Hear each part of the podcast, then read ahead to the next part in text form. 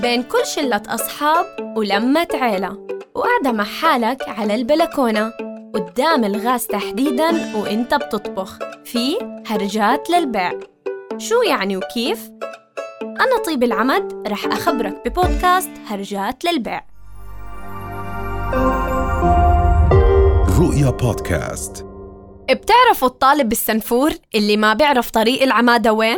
وبنسى. وبنادي الدكتور أستاذ نعم عزيزي المستمع. هاي أنا. بتذكر أول أسبوع إلي بالجامعة طالبة جديدة بالأردن جاية من السعودية مجتمع جديد ومش متعودة أركض وأقطع نص مشاويري مشي. وكنت بعافر بين المباني والقاعات وبحاول إني أعتمد على حالي. بس يا ريتني ما اعتمدت. كنت منزلة إنجليزي وعسكرية. وكل يوم أداوم فيه لمحاضرة الإنجليزي ألاقي المحاضرة ملغية. وبس رحت على محاضرة العسكرية. ألاقي العالم فوق بعض. وكنت كيوت صغيرة أي حد بيجي عيني بعينه ببتسم له. بس ولا حدا كان يبتسم لي ويلفوا وجههم وصراحة كنت أشخصن المواضيع. بس بيوم من الأيام لقيت بنت تبعد عني بمقعدين.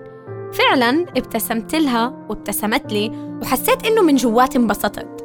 قربت وبطل المقعدين يفصلونا. بلشنا نحكي ونحكي وكأنه بنعرف بعض من سنين. وصلتني على محاضرة الإنجليزي واكتشفت يومها إني بحضر محاضرة علم أرض ومحاضرة العسكرية اللي بحضرها موعدها غلط. يعني باختصار ملخبطة بجدولي. بس وقتها لخبطتي بالجدول كانت سبب إني أعرف صحبة عمري. الشخص اللي خلاني أعرف الجامعة وأقدر مواقفي بالجامعة واللي خلاني أعيش بالأردن وأتعرف على الناس.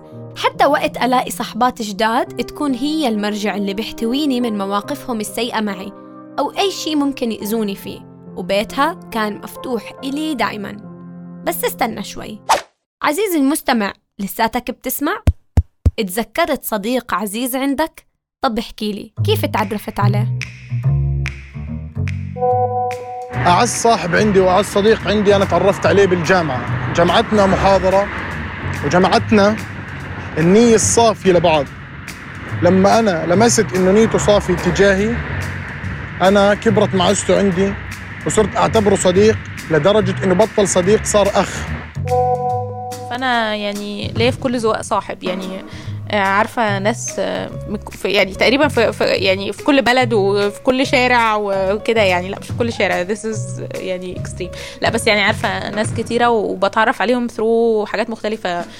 آه، either شغل آه، voluntary work يعني أسباب مختلفة دراسة فبتعرف عليهم في مواقف و- وحاجات مختلفة. عادي أحكي لك موقف تاني؟ بالزمانات كنت بالصف الثالث كان عندي صاحبة بحبها كتير وكنا نتشارك مع بعض كل إشي كبرنا ونقلنا لأنه تغيرت المدارس من الابتدائي المتوسط وبالأيام هديك أنا ما كان عندي لا جوال ولا لابتوب. وصاحبتي هاي كان والدها متوفي وكانت قصتها دايما بتأثر فيني. اختفت واختفيت وما عندي رقمها وما عندي حدا يوصلني إلها. وضلينا نكبر وننقل من مدرسة لمدرسة. بتذكر إني كتبت بال 2011 أول رواية إلي وكانت عنها. وكنت سعيدة إني قدرت أسترجعها بحياتي ولو حتى بقصة من خيالي. وسميت الرواية باسمها. لحد بآخر سنة إلي بالمدرسة وخلص حتخرج وأصير جامعة. ماما جابت لي جوال وكان أيامها البيبي ما أدري إذا حدا متذكره.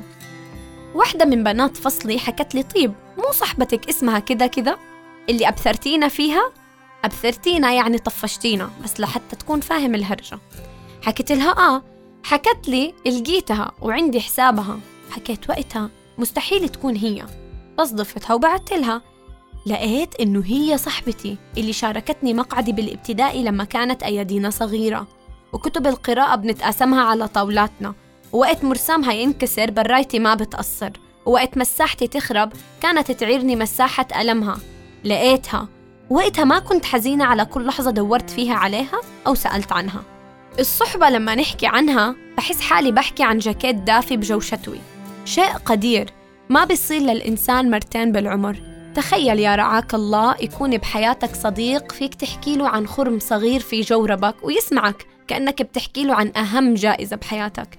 يكون إيديه بتصفق لك بمسرح ما حد مهتم أنت إيش بتعمل وبتعطي. شخص وقت أنت تكره حالك هو وأنتو ماشيين بطريق بارد يحكي لك ولو أنت أهم شخص بالدنيا.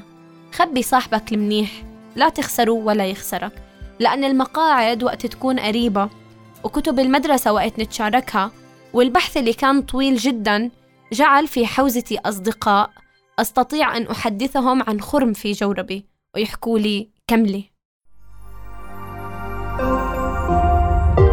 رؤيا بودكاست.